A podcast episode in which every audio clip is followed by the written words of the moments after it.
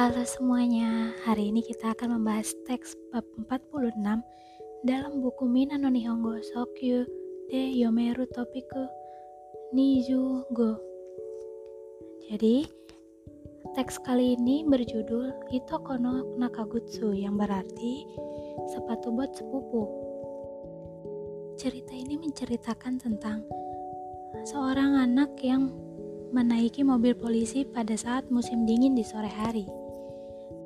Saat itu ibunya terlihat sibuk mengurus adiknya dan dia memutuskan untuk bermain ke rumah temannya yang bernama Ken. Namun, rumah Ken berada di lantai 5 gedung sebelah rumahnya dan gedung tersebut memiliki empat pintu masuk.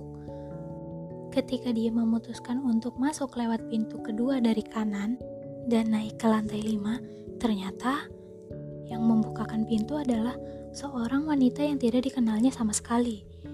Ketika dia menyebutkan nama temannya tersebut, wanita tersebut tidak mengenal dengan temannya itu. Dia ditanyakan namanya dan menjawab nama dia adalah Minoru. Ketika ditanyakan alamat dan nama ayahnya, tetapi dia tidak menjawab. Wanita itu mencari di pakaian dan sepatu botnya. Tapi ternyata nama yang tertulis di sepatu bot tersebut ternyata beda dengan nama yang disebutkan tadi dan tidak memiliki al alamat. Jadi wanita itu mengantarkan ke pos polisi terdekat. Lalu polisi tersebut menanyakan nama dan rumahnya. Ketika dia memberitahu namanya, ternyata polisi tersebut juga tidak mempercayainya. Lalu melihat nama yang ada di sepatu bot dan mengantarkannya ke kantor polisi menaiki mobil polisi. Polisi lain juga menanyakan hal yang sama tetapi dia tidak bisa menjawab apa-apa lagi.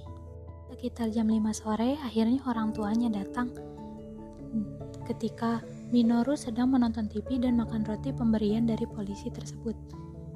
Ketika melihat orang tuanya, Minoru langsung menangis dengan kencang.